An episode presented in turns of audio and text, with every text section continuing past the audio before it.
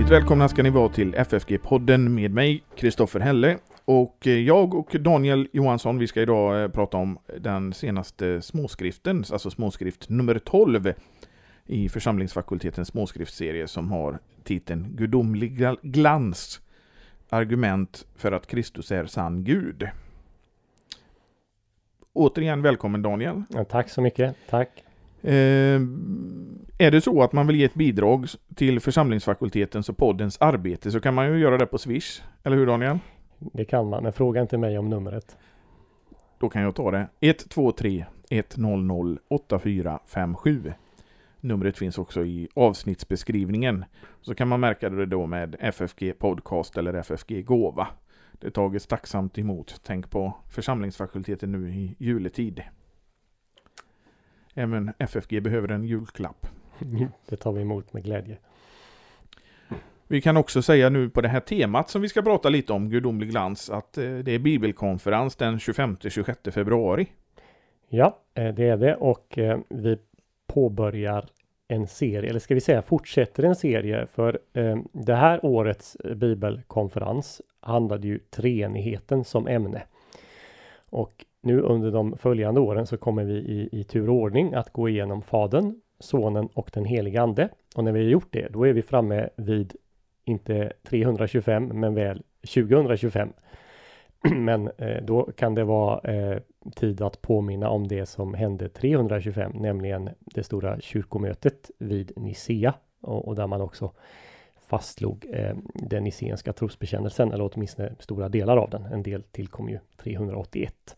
Så där, där, däråt siktar vi med våra bibelkonferenser. Eh, så Fadern är alltså temat för lördagen. Fredagen eh, kommer vi att ägna åt en historisk person eh, i svenska sammanhang som på eh, var det 60-talet eh, kom en egen nyöversättning av Nya Testamentet, nämligen David Hedegård. Mm. Det är Mats Eskult som ska prata bland annat. Ja, och eh, vår gamla lärare i kyrkohistoria, Rune Inberg, ska teckna hans porträtt. Och sen har vi också en som, eh, som verkligen har forskat på David Hedegård, Bruno Frandell. Och så ska vi belysa eh, olika aspekter på hans liv och teologi. Och det är alltså den 25 och 26 februari. Så ja. boka upp det i er almanackor redan nu. Och mer utförligt program finns på hemsidan ffg.se.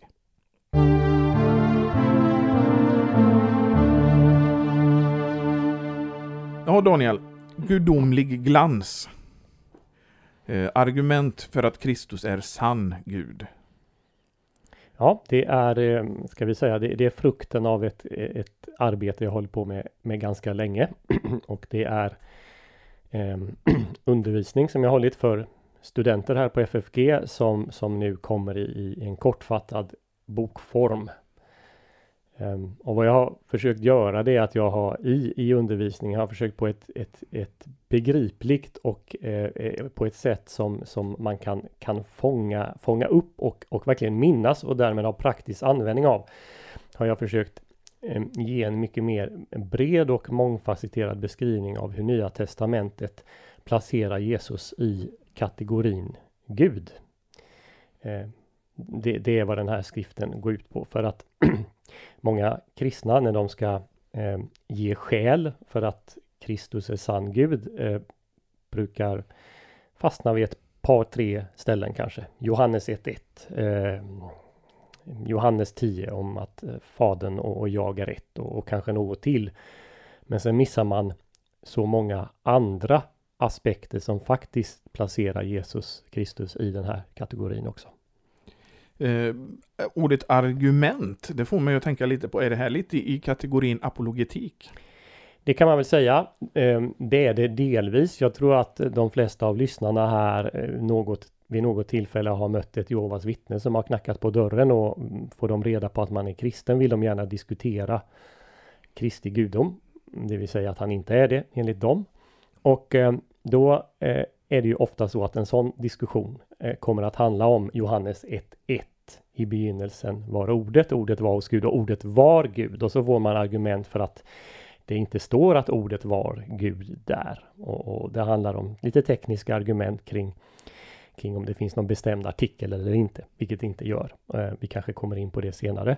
Ehm, så det, det, är ett möte eh, där det kan vara värdefullt att peka på en lång rad andra ställen som, som talar om, om den här saken och, och placera Jesus på Guds sida. Ehm, och det vet jag av egen erfarenhet nu. Mina studenter genom åren har faktiskt återkommit till mig och berättat att, att den här typen av, av argument som, som framförs i den här boken har, har varit väldigt värdefulla i de här samtalen. Så, så det är en kategori, men jag skulle säga eh, Sen är det klart att eh, mötet med Islam idag eh, kan också handla om sådana här samtal. Det vet jag från andra studenter och att de har haft värde av det också i, i den diskussionen. Sen tror jag det, eh, och det, då är det inte så mycket apologetik och argument. Jag tror att det här, och tycker själv det är väldigt uppbyggligt för den egna tron, att när man läser, har de här kategorierna i huvudet, då, då börjar man se saker som man kanske inte har sett tidigare i texten.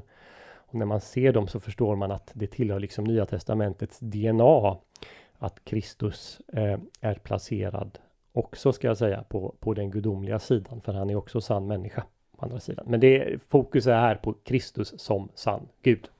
Men är det också att det du hämtar det här ifrån, som jag tycker skiljer sig lite från eh, särskilt sån här reformert apologetik, det är att det är hämtat från Guds ord, det du skriver i, i den här boken? Ja, det, jag vet inte om det är någon skillnad där i eh, eh, så, men det, det, det hämtas ju från Nya Testamentet. Det här handlar om hur Nya Testamentet framställer Jesus helt enkelt. Det tror jag i och för sig att det gör i, i reformärt försvar också för Kristi gudom. Ja, men det kan vara lite det här att du ska rationellt komma fram till. Det var mer det jag tänkte på. Ja, möjligen. Ja, jag tror att det handlar om andra frågor än, ja, än, ja. just, just den här. Mm. Men, men ehm, det som jag tänkte på, just det här med gudomlig glans som finns i, i titeln.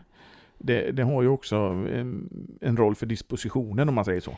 Ja, och det, jag, jag försökte då hitta en, en akronym, alltså en, en förkortning där den första bokstaven ehm, så att säga utgör rubriken i respektive, kapit eh, respektive kapitel i boken här eller respektive kategori och det är just det glans står för.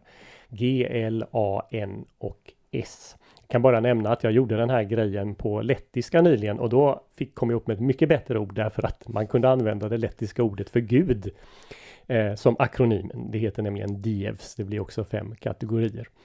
Men, men glans äh, tycker jag är, är, bra och jag ska erkänna här, jag har inte mm, kommit upp med de här kategorierna själv utan jag har inspirerats av några amerikanska forskare här. Däremot är det väldigt mycket min egen forskningsarbete som sen är, är texten i, i, det hela. Men om vi ska ta det helt kort här. Äh, de här fem kategorierna. G står för gärningar. L står för lovsång.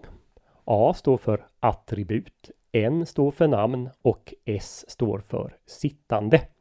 Och jag tänker att vi, vi ska förklara de här helt kortfattat alldeles strax. Ja. Och det, det, första som du säger det är ju då gärningar. Ja. Och här är då poängen att Jesus beskrivs eh, som en som gör gärningar som är förbehållna Gud själv. Sådana gärningar som ingen människa kan göra. Eller får göra, kan det också handla om. Och det, det som den första kat kategorin du tar upp är att Jesus förlåter synder som då eh, var förbehållet för Israels Gud att göra. Så de, till exempel de skriftlärda reagerade väldigt mycket på detta. Ja, när man läser i, i um, Markus 2 kan vi ta med, med paralleller då. Uh, det är ju då det kommer en, en man farande ner genom taket och så förlåter Jesus hans synd. Och då reagerar ju de som, som sitter där eh, och tänker i sina hjärtan att, att Jesus, han, eh, han begår hädelse här. Han hädar Gud genom att, att göra det här. Ehm, det, det, framgår ju så att säga, eh, och så står det att, att vem kan förlåta synd utom en Gud? Ehm, så i, i, i Markus själva berättelse här så, så framgår ju med all tydlighet att Jesus gör något som bara Gud får göra själv och det finns ingen antydan om att varken Jesus eller, eller evangelisten korrigerar de skriftlärda här. Det har likväl varit en ganska stor diskussion kring det här i forskningen. Ja, men finns det ändå inte några undantag? Var det inga andra som förlät synder utom Gud i, i Gamla Testamentet i den samtida judendomen? Och då har det föreslagits en lång rad olika kategorier människor som skulle ha gjort det här till exempel, och det får vi säga lite anakronistiskt, så har man menat, ja men prästerna förlåt, förlät väl synd i, i templet, det vill säga när en människa kom dit och, och offrade ett djur så skulle prästen sen ha förklarat att nu är dina synder förlåtna. Um, det är lite märkligt, nu vet vi inte jättemycket om vad som hände i templet, men i de beskrivningar som finns så finns det inte minsta antydan om att prästerna skulle ha uttalat någon absolution.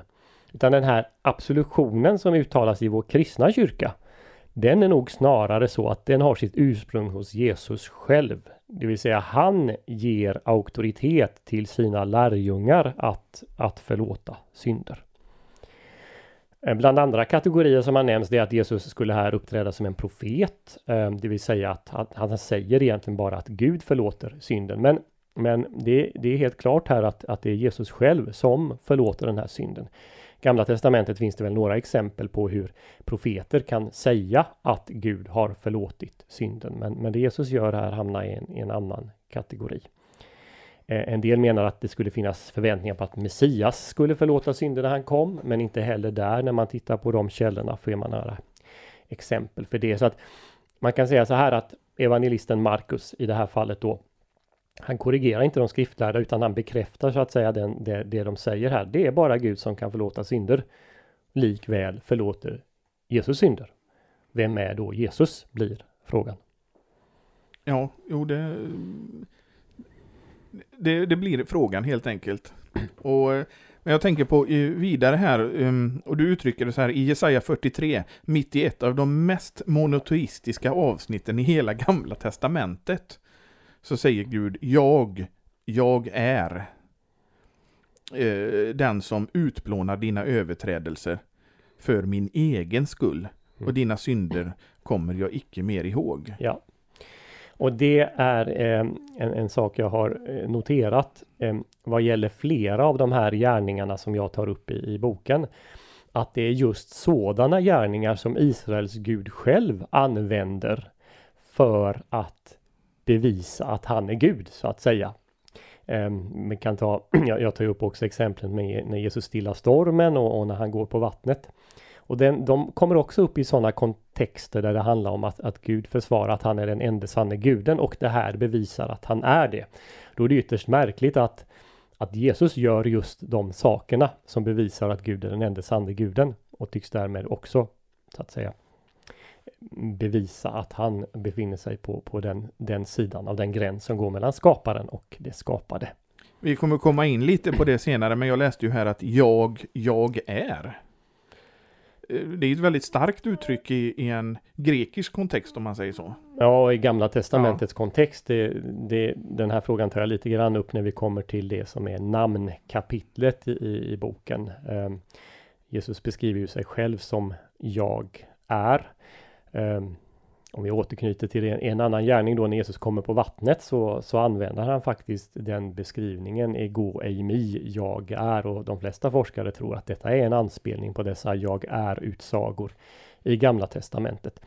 Det är också ett sätt för Gud att tala om att han är den enda sanne guden. Det, det är så han identifierar sig själv. Mm.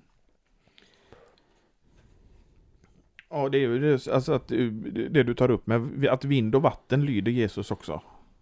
Ja, eh, lärjungarna blir ju minst sagt förvånade om man säger så. Eh, berättelsen, eh, mm, eh, om vi tar det från Markus evangeliet då i kapitel 4, mynnar ju ut i den frågan. Vem är då denne när till och med mm, vind och vatten lyder honom?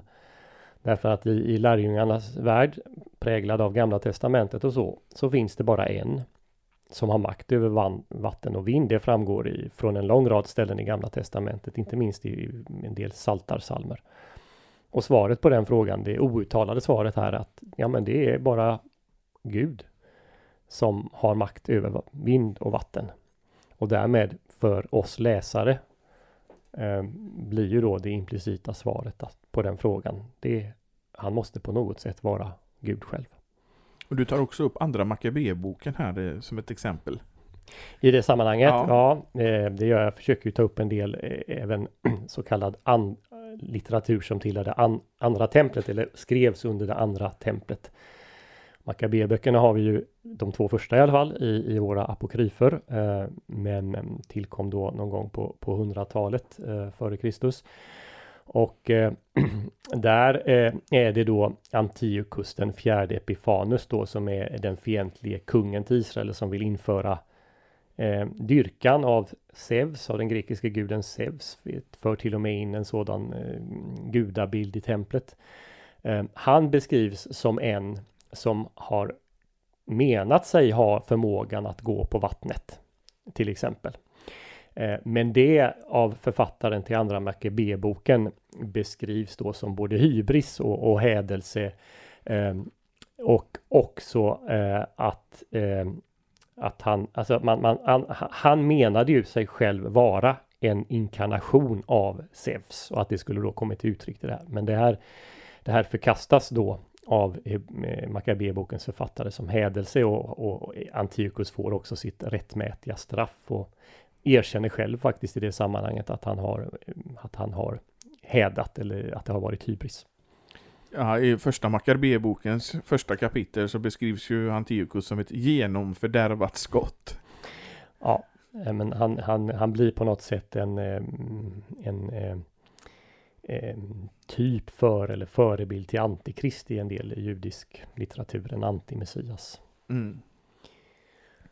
Och sen om, om vi går in på det sista så är det också då att Jesus uppväcker de döda. Ja, där har, vi återigen en kategori eh, tydligt från Gamla Testamentet att det är bara Gud som har makt att ge liv och, och ta liv. Eh, mm, och, och, att han som ska uppväcka de döda på den yttersta dagen. eh, men Jesus har då Eh, Eh, I evangelierna så finns det ju exempel i alla evangelier på att han uppväcker någon död, men också särskilt i Johannes evangeliet att han gör anspråk på att han alla, han ska uppväcka alla döda, de ska höra hans röst och gå ut ur gravarna. Så det är också en, en tydligt en, en gudomlig eh, eh en gudomlig gärning att göra det.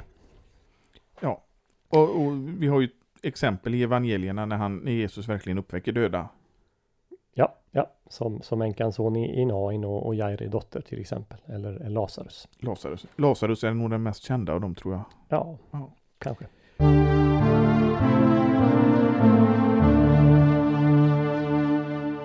Och då har vi kategori två, går vi in på nu, och det är mm. lovsång. Ja.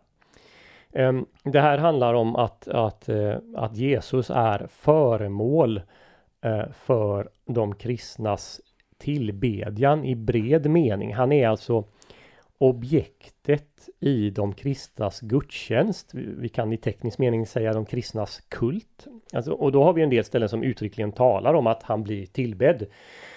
Bland de mest lysande exemplen på det här är ju Uppenbarelsebokens kapitel 4 av 5 där mm, skaran i himlen eh, i allt vidare kretsar Först tillbeder honom som sitter på tronen, som vi förstår är Fadern, och sedan tillber de lammet som kommer upp och ställer sig på tronen. Och detta samtidigt som det i Uppenbarelseboken slås fast att bara Gud kan tillbes och likväl så tillbes lammet. Mm. Ganska mycket i Uppenbarelseboken handlar ju om sann och falsk gudsdyrkan, för vi har tillbedjan av vilddjuret till exempel som förkastas. Vi har också människors mm, dyrkan av olika gudabilder som är gjorda av, av mänsklig hand och så vidare. Så det är väldigt tydligt. Jag, jag, menar att det här är bland de starkaste argumenten för att Kristus är, är sann Gud, att han inkluderas i denna gudsdyrkan.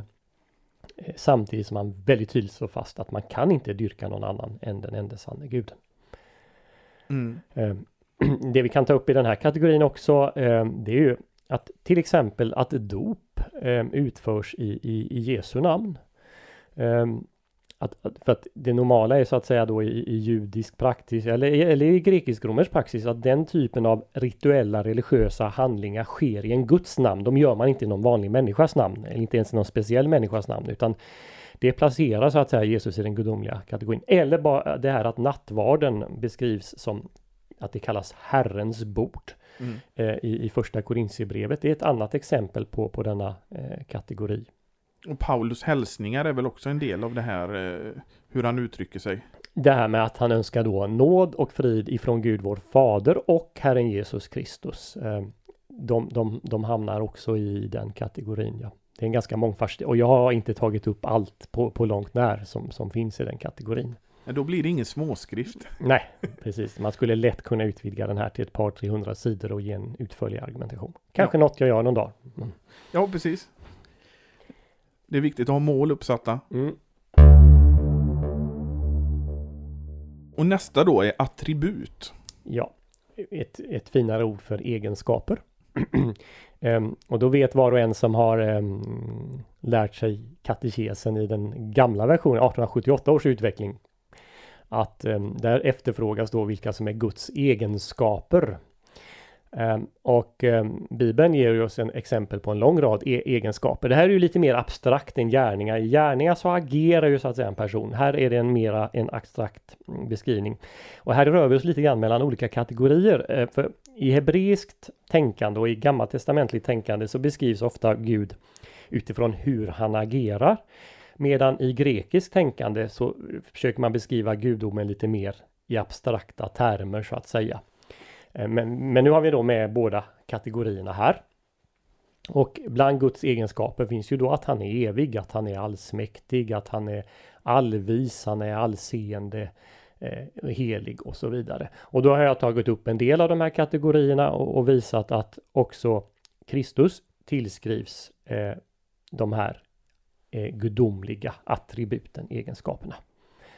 Bara för att nämna en då, vi ska inte avslöja allt. Eh, Eh, till exempel det här framställningen av Jesus i Uppenbarelseboken som alfa och omega eller A och O. Eh, I Uppenbarelseboken så, så dyker den här beskrivningen upp i variation eh, fyra gånger vid fyra tillfällen i princip.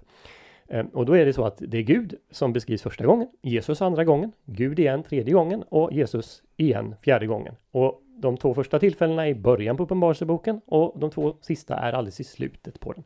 Och det som händer är att att synonymer till det här alfa och omega läggs på. Den första och den sista, begynnelsen och änden.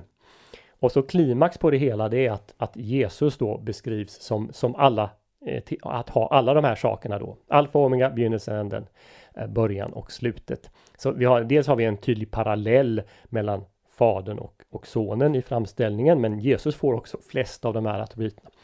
Och, och den betyder ju kort gott att man är evig. Eh, den är hämtad med all sannolikhet ifrån Jesaja. Också från Jesaja eh, 40, andra delen av Jesaja. Där den här beteckningen att vara först och sist används av Gud själv för att visa att han är den enda sanne guden. Så det är vi åter inne i de här eh, eh, kapitlen med, med, med stor eh, monotistisk densitet. Vi kan säga för de som inte kan grekiska att alfa och omega det är den första och den sista bokstaven i det grekiska alfabetet. Ja, precis. Så ska vi översätta det till svenska borde vi säga A och Ö. Ö. Mm. Precis. Så att han är, han är både det som vi ser i, i början i, i uh, Genesis 1. Mm. Men också i, det här i Uppenbarelseboken, det sista vi ser i skriften. Ja. Men också uh, det, det första som skapade, men också det sista innan vi det är han som kommer eh, och som gör allting nytt. Eh, så eh, Gud beskrivs i Uppenbarelseboken som den som är och den som var och den som kommer. Men vem kommer? Jo, då kommer, kommer Kristus. Eh, ja, det, det, finns mycket sånt här material i, i Nya Testamentet.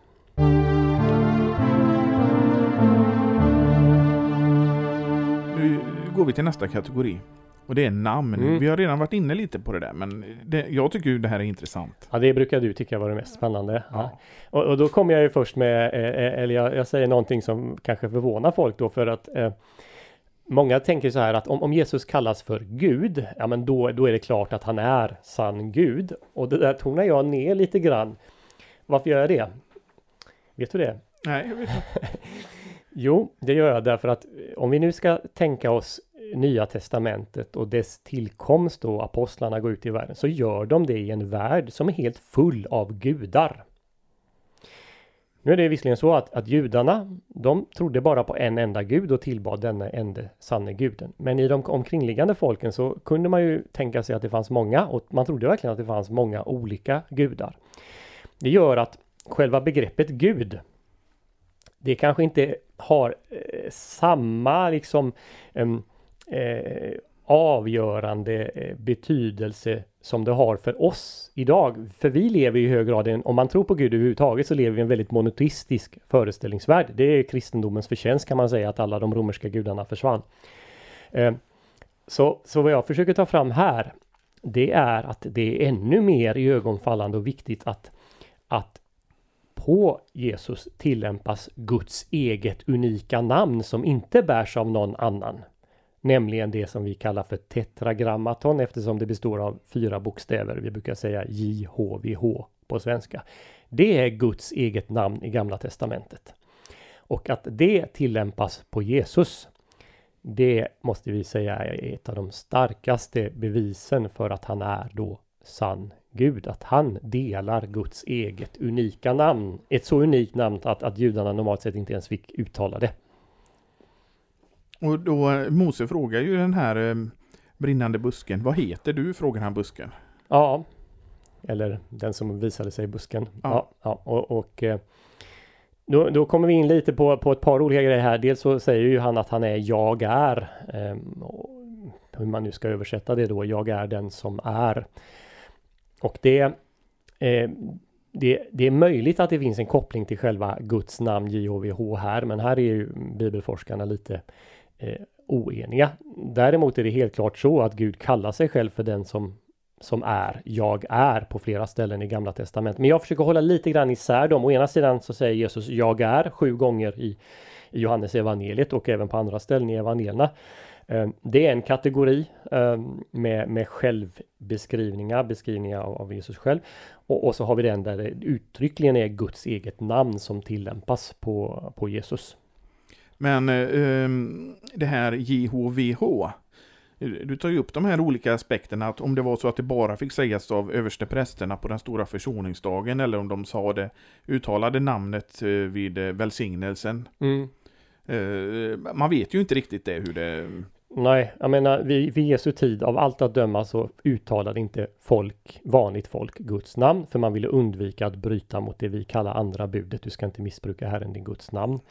Sen är det lite osäkert om det var vara på den stora försoningsdagen som präst, översteprästen uttalade namnet eller det skedde dagligen i samband med att man, man faktiskt eh, läste den aronitiska välsignelsen i vilket Guds namn nämns då tre gånger. Eh, så, så, så, där är det lite osäkerhet. Jag tror för egen del om vi backar lite längre tillbaks i tiden så, så tror jag nog att man, man, man uttalade namnet. Eh, i, i, vanliga hälsningar ungefär som vi i frommare kretsar har, har liksom önskat Guds frid eller Guds fred i stugan. Eh, så har man då önskat Herrens välsignelse över någon när man har mött honom. Mm. Eller henne. Men eh, istället då så börjar man använda ersättningsnamn. Ja. Och det gör man ju då också när, när man ska läsa ur skriften att man läser Adonai som betyder Herre eh, Eh, när man då har läst i hebreiskt sammanhang. Ehm, eller man kanske bara säger namnet Hashem på hebreiska. Eh, och det här tycks ha påverkat den grekiska översättningen då av Gamla Testamentet. När den görs så, så tyder det mesta på att man i ett tidigt skede har skrivit Kyrios som betyder Herre istället för eh, gudsnamnet med, med, med, med, hebreiska bokstäver. Och det betyder, det öppnar upp en hel del eh, spännande för oss, nämligen att när bekännelsen eh, är Jesus är Herren, till exempel Jesus är Herre, Jesus är Kyrios, så behöver det inte bara betyda att Jesus är en herre i, största allmänhet, att han är en herre som är herre över eh, till och med kejsaren, utan att bakom den bekännelsen ligger troligen att han delar detta Guds namn. Och att jag, jag tänker så här att om, om eh, man hade skrivit eh, hebreiska bokstäver i de grekiska manuskripten till NT så hade man mycket möjligt ha kunnat skriva eh, tetragrammatonet då på, på hebreiska i dem. Men, men det är därför vi i våra översättningar idag kan i Gamla Testamentet hitta Herren, Herren och namnet, namnet och sådana här eh, översättningar. Ja, och framförallt i, i, inte i alla biblar nu, men, men i en del då så brukar man skriva stora bokstäver eh, för Herren med kapiteler när man återger Guds namnet medan man skriver Herren med, med vanliga små bokstäver. Man kanske börjar med en stor när man återger Adonai, för den finns ju också i Gamla Testamentet. Mm. Då. Sen är det då, då lite svårt att veta vad man ska göra i Nya Testamentet. Eh, Där står det väl Kyrios? Ja, det står Kyrios, eh, Ja. det gör det. Men ska man återge dem då med kapiteler därför att man misstänker att bakom detta så ligger tetragrammaton. Om man skulle vara konsekvent GTNT borde man, borde man göra det då. Men man gör det i regel inte ens när det är bibelcitat ifrån Gamla Testamentet som innehåller Guds namn. Jag har inget minne av att det är något jag har läst att de gör så. Nej, men man borde egentligen göra det om man var Gör man Om det man- i Gamla Testamentet bör man göra det i Nya Testamentet. Ja, du är lite inne på, på bibelöversättningar, jag kommer inte ihåg om du, jo det är du här. Att de skriver det så ja. Mm. Men, men om man nu bara tar, vi ska inte avslöja allt här va? Nej. Men om jag bara tar ett exempel på det här hur, hur eh, Guds namn då faktiskt appliceras på, på Jesus.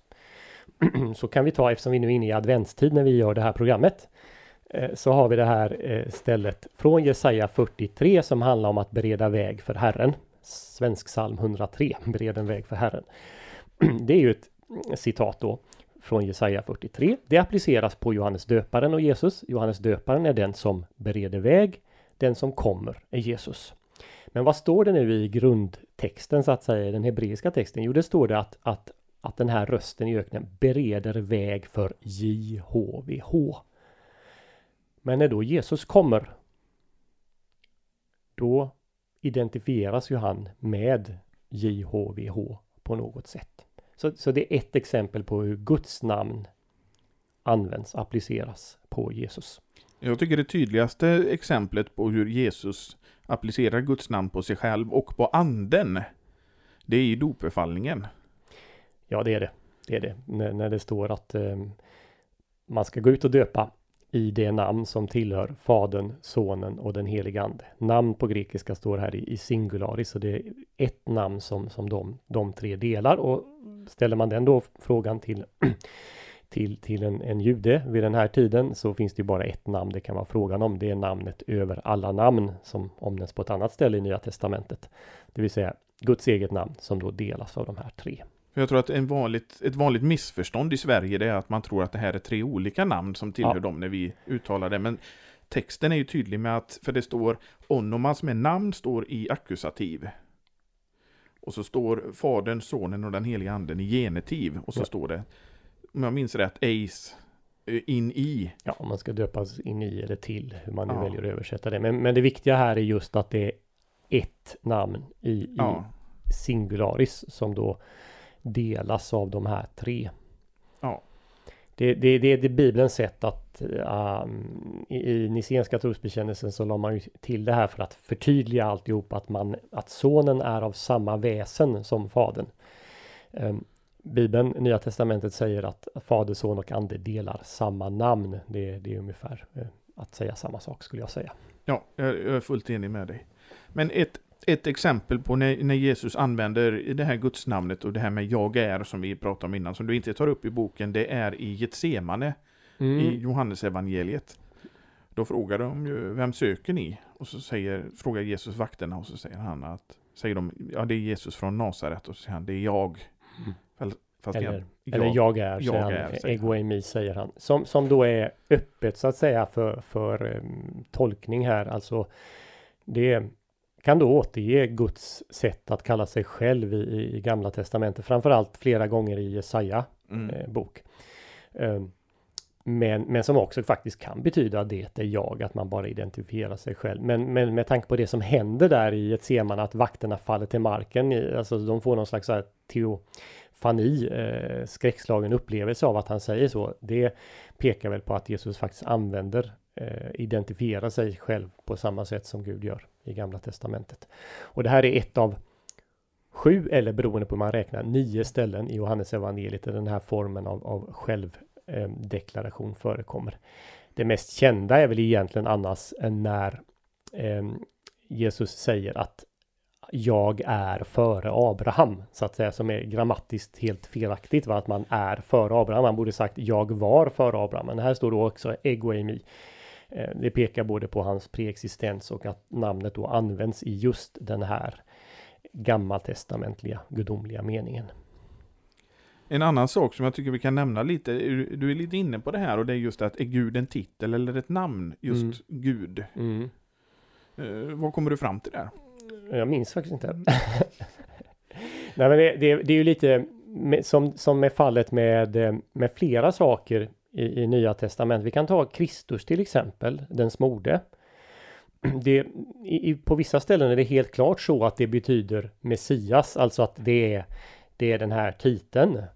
Eh, men på andra ställen så används det ju tillsammans med Jesus så att man, det ligger naturligast att dra slutsatsen att det är, det är som ett egennamn, att han, han heter också Kristus efter ett tag, så att säga. Den dubbelheten finns.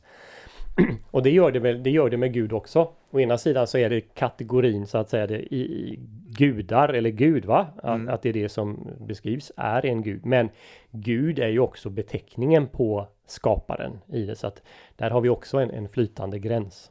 Jag tänkte just eh, Gud är det som i hebreiska beskrivs med Elohim och i grekiska med Teos. Ja. Och sen finns det ju den här JHVH som är den specifika ja, som är guden. Det, det, är Guds namn. Det är ja. namn. Det är, om man ställer frågan, vad heter Gud? Då är svaret JHVH. Och man, vi vet inte hur det uttalas. Och det vet vi inte hur det uttalas. Det finns ju teorier. Ja, eh, vi, vad vi nog med säkerhet vet idag det är att det inte uttalas Jehova. Så som till exempel då Jehovas vittnen menar. Det, det kommer du ihåg, eller hur? Ja, ja. Och va, va, va, hur, hur uppstod det då? Ja, det var att man, man, man visste inte hur man skulle uttala namnet. Så då tog man vokalerna från Adonai och satte in det i JHVH, ja. Jehova. Då blir det så. Det är ju så med den hebreiska texten att den saknar vokaler, så vokaltecken har man satt till eh, efteråt. Efteråt, ja. ja. och då, då har man satt in sådana vokaltecken som gör att man kan tro att det skulle uttalas Jehova. Eh, bibelforskarna eh, menar väl sig nu kanske veta ungefär eh, hur man skulle uttala det då. Men, men, men, men slutsatsen är i alla fall att Jehova kan, det, Jehova kan inte det vara. Nej, och, och um, det här Jehova tillkom väl om jag minns rätt på 1600-talet? Något sådant. Så ja. det, är inte, det är en ganska ny företeelse. Ja. Mm. Det var, det, hade ju, som, det, det, var ju en konsekvens av det här med att man skulle översätta biblar och ge ut biblar. Ja.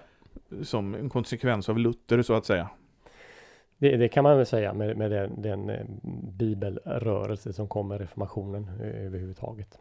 Och för jag menar de gamla, de, de som predikade utifrån den hebreiska texten, som Luther själv till exempel, han visste ju vad det stod och så fick man översätta det själv med vad det nu var. Ja, sen, sen har vi också att, att texten har ju vokaliserats då senare. Mm. Massoreterna satte ju ut textens eh, vokaler. Och det är ju de som vi, vi har i, i våra hebreiska biblar idag. Sen kan man ibland också där ifrågasätta om de har satt ut rätt tecken. Eh, ibland så är det lite diskussion om det. Men det är ingen stor sak. Nej.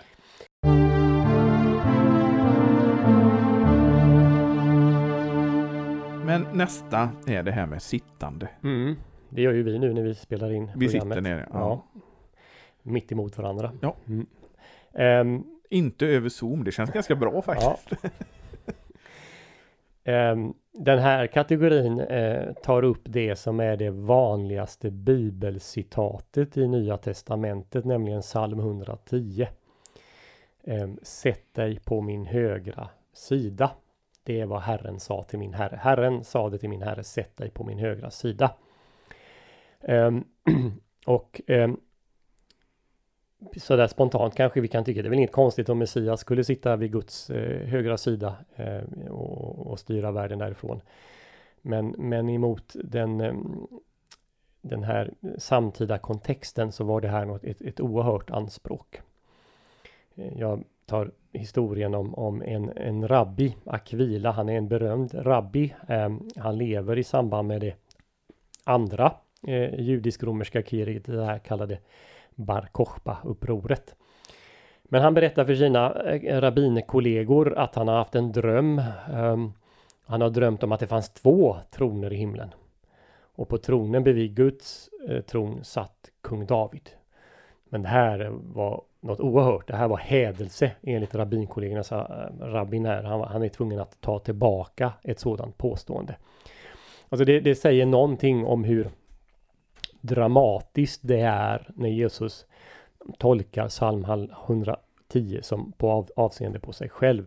Det är förmodligen det Jesu uttalande kring det här i samband med att han står eh, inför rätta, inför Stora rådet, som är huvudanledningen till att, att man ropar hädelse.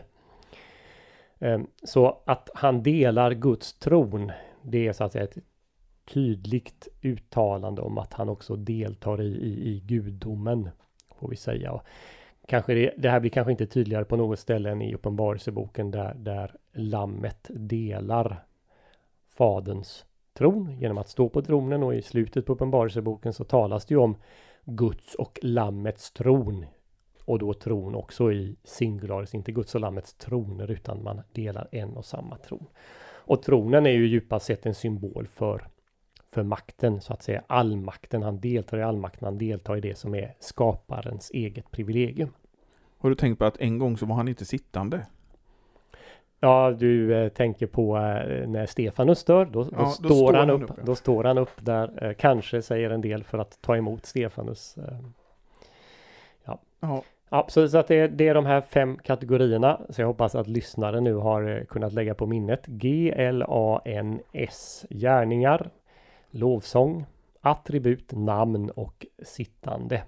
Och tillsammans utgör det här ett väldigt starkt argument för, för, för Kristi gudom och också ett väldigt mångfacetterat sådant. Ja, men jag tycker att det är väldigt tydligt att det kommer fram just Kristi gudom i det här och jag tycker mm. att det är svårt att förneka det. Ja, nej, men det är det utifrån det här och, och, dessutom så är det här också så utspritt i hela Nya Testamentet så det är inte så där att det här saknas i någon bok egentligen utan någon typ av de här kan, kan man hitta i princip i varje, i varje skrift och på vissa ställen är det här oerhört koncentrerat. Eh, och, och, på andra lite mindre så. Och jag menar Paulus skriver brev till församlingen i Rom som han aldrig har hälsat på. Han har inte grundat den. Han känner en del folk där och han kan ta för givet en lång rad saker som just placerar Jesus i den här kategorin. Uh, till exempel att man ska åkalla Herrens namn och inne, eh, när man åkallar Herren Jesus så åkallar man Herrens namn. Där har vi återigen ett, ett JHVH-ställe från, från Joels bok då som appliceras uh, på Jesus. Mm.